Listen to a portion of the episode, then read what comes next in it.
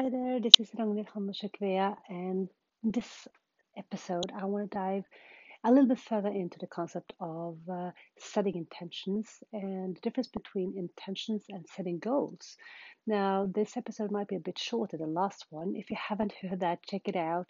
Uh, it was quite long, and you could just, you know, um, go beyond the first few minutes as I am literally walking on the beach with you on that episode. So, in the beginning, the sound might be a bit hard to hear, but you will get the content as soon as you get further into the episode. But in this one, I want to talk more about intentions and goals.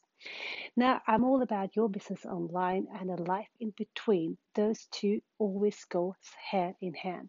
I truly believe that you can't have uh, you know, this beautiful, lovely, um, fascinating, really great business life where you succeed, where you feel that you can use everything that's great about yourself and go into the world and show the world and help the world and support the world.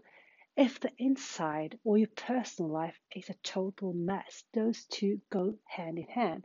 So I think what we work on on the inside and with ourselves and on our personal growth and on that path, we will eventually be able to use and develop it even further within our business. So I think also that's why you will see people who you sort of always struggle if they struggle a lot in the personal life, they will also struggle a lot in the business life, especially when it comes to connecting in their business um, that again, those two go very much hand in hand. And that's why I want to bring up intentions and goals. Because when we do business, we are sort of used to the concept of setting goals and the importance of setting goals. And I'm all into that. You know, I truly believe that what we don't put down as goals will not happen. It's as easy as that because life happens. And if you have, like me, a family around you as well, you know that life can be pretty busy. There's always someone who needs you, something you have to do. It's always something that needs to be done. And it doesn't matter if you have kids or not, but you have people around you that will always be depending on you somehow or the other. So if you're going to accomplish anything when it comes to business uh, and not just go by the flow in case of, oh, well, I mean by that, it's just doing what other people expect you to do, but actually go forward with anything, you need to have your goals on place. And those goals, as you probably already know, eh, for you to know if you're on the right path or not, it's useful that they are specific goals so that you can actually measure them. So that could be anything like, you know, um, get this amount of people on your list within the end of the month, or to release uh, this amount of videos uh, by the end of the month, or that you're going to launch this book or this online course or this whatever it is within the end of the year. So it's specific goals, and we all need them in order to progress and in order to actually keep ourselves on track. So they are crucial and really, really great tools. Now, with goals, they always go hand in hand with your calendar. So setting a goal that's not put in a calendar is kind of waste. So you need those two. You need to be able to set your goals and then put those in your calendar so you can keep yourself on track. But what about intentions? What about intentions? You see, I I had I made this video in Norwegian and I connected it to a blog post about this, and I've I've thought a lot about this lately, about how do we even know if our goals or intentions are the right ones for us? Because it's so easy to set goals, especially goals, based on what we believe we need to accomplish. So let's say that you're running your own business and you have this belief that you're not succeeding unless you have this amount of people on your list, or you're earning this amount of money, or you can uh, um, release this amount of videos. You would know what, whatever it is. We have these beliefs that what success looks like, and we can easily turn them into goals, but they can be goals that can only, or sometimes can take us down, make us feel miserable because we're not able to accomplish them. And then all those thoughts come around, well, we're not good enough, or I can't do this because this and that, and all that. And some of it might be true, most of it would probably not be true. My point is, how do we know? Because it's not necessarily the goal in itself that is wrong, uh, quote, but it's not connected to an intention. Now, let me explain what I mean by that.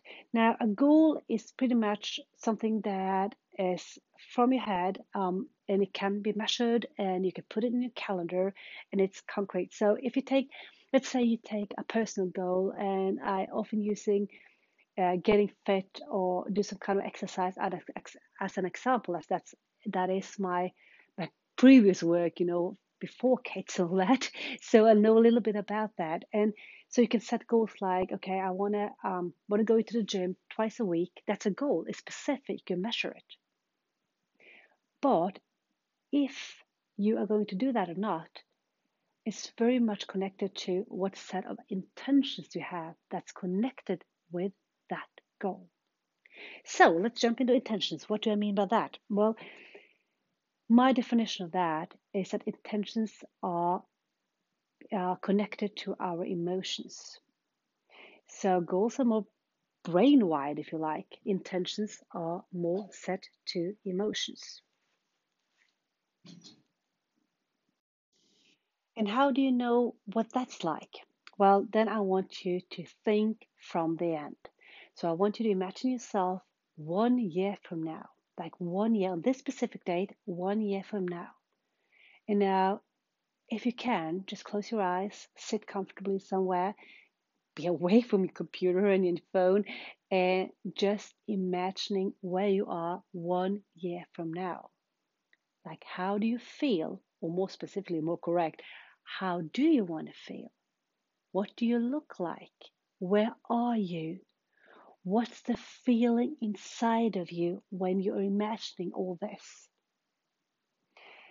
The point is that if we are just running on goals, we are just running, always trying to achieve the next goal. But in order to feel the success, in order to have the life that we all long for, we are or we need to be connected to a greater feeling that makes us feel good. Because we all have heard these stories about people who, from the outside, are successful. They have all the money, they have all the tools, they have all the stuff, they have all the cars, they have beautiful partners, they have the kids, they have everything. But still, they feel miserable. Because everything they do is not connected to who they want to be or how they want to feel. On the other way around, you have people who doesn't have that much. They don't have the car, the, the house, the, the stuff. They don't have that they actually have very little, and still they're happy and they feel content and they go around life and they just spread love because they are connected to that intention. They are connected to who they want to be, not just what they want to accomplish on the outside world. Now, I'm not saying it's wrong to want to accomplish things from the outside, you know, kind of like material stuff, not at all. What I'm saying that in order for you to actually feel that what you are accomplishing on the material side in order for you to feel that that's that's great and that you can actually honor that and you know feel as lovely and wonderful it needs to be connected to a great feeling of how you want to be or how you want to feel or where you want to be. So again go back to that or to that time like imagining a time one year from now and just see who are you? Like what's different and what's the same? So let's say if we take the example of your business, so let's say this year you really want to go further with your business, you want to step out, do something more, really feel like you're creating something, and you set these goals and they are specific. So you say, okay, I want to launch this book, or this online course, or this website for that matter, or I, you know, I want to be more visible, I want to do speeches, whatever it is, you set your goals now go to that time one year from now and feel that intention. So, what's it all about? Maybe it's about you want to spread the word. You have this feeling if you're spreading the word, whatever it is about, whatever you're, you know, you're passionate about, you feel great and you feel you're touching other people's life, you're touching other people's heart, you're making a contribution to this world, you're making a change, a difference for these people those you are interacting with. And that make you feel good. It actually make you feel great. And you can imagine yourself standing on that stage, having this speech about this concept or these thoughts you have, and you just feel the energy of that room. And you know that when those people are leaving, after they've heard your, your speech, they will be different.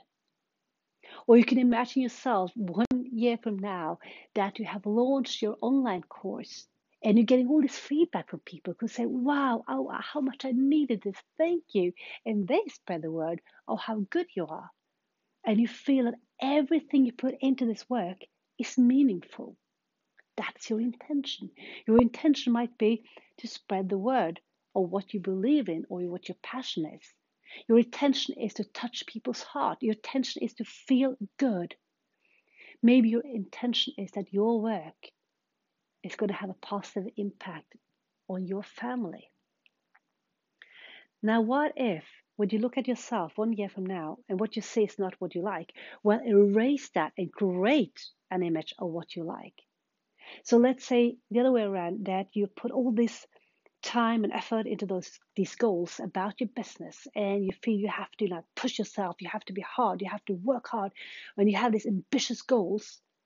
But when you think about it or feel it a year from now it feels draining. It doesn't give you energy. Actually the opposite. And you can almost imagine yourself being tired. And you can almost imagine yourself drifting away from your partner from your children from friends because you don't have time for them well, then erase that image. Erase it immediately and think again from the end what do you want? And now I'm just making this up. But then you maybe you find out that what you want or what you long for is to be more connected, have more time. Not necessarily time in the case of more hours, but more productive time, more um, creative time, more in depth time, more time that you really feel connected with those who are important to you. So then maybe that's the intention that whatever you do in your work life is going to have a positive impact on your life, your personal life, so you can bring back to the people you love. Well, let's say we take the example about that you want to just well, the goal is just to go to the gym three times a week. Well, connect that to an intention one year from now. So the intention might be that you, you know, the pain that you have now in your back is gone or the intention of you really looking the way you want to look, or you feeling amazingly, you feel wonderful, you feel full of energy. Now, the goal still will be to go to gym three times a week. But the reason why you will do that is because it's because you have the intention of something greater, something bigger, something that has an impact, you know, way beyond the next few months. So my point with all this is to have a look at your goals, but then think from the end, think one year from now, think about the intention, the feeling you want to create. And if what you see is not what you want, then erase that image, make a new one, and you might even need to rearrange your goals in according to make those deeper connected. I hope this was valuable. You will hear from me soon again. Bye bye.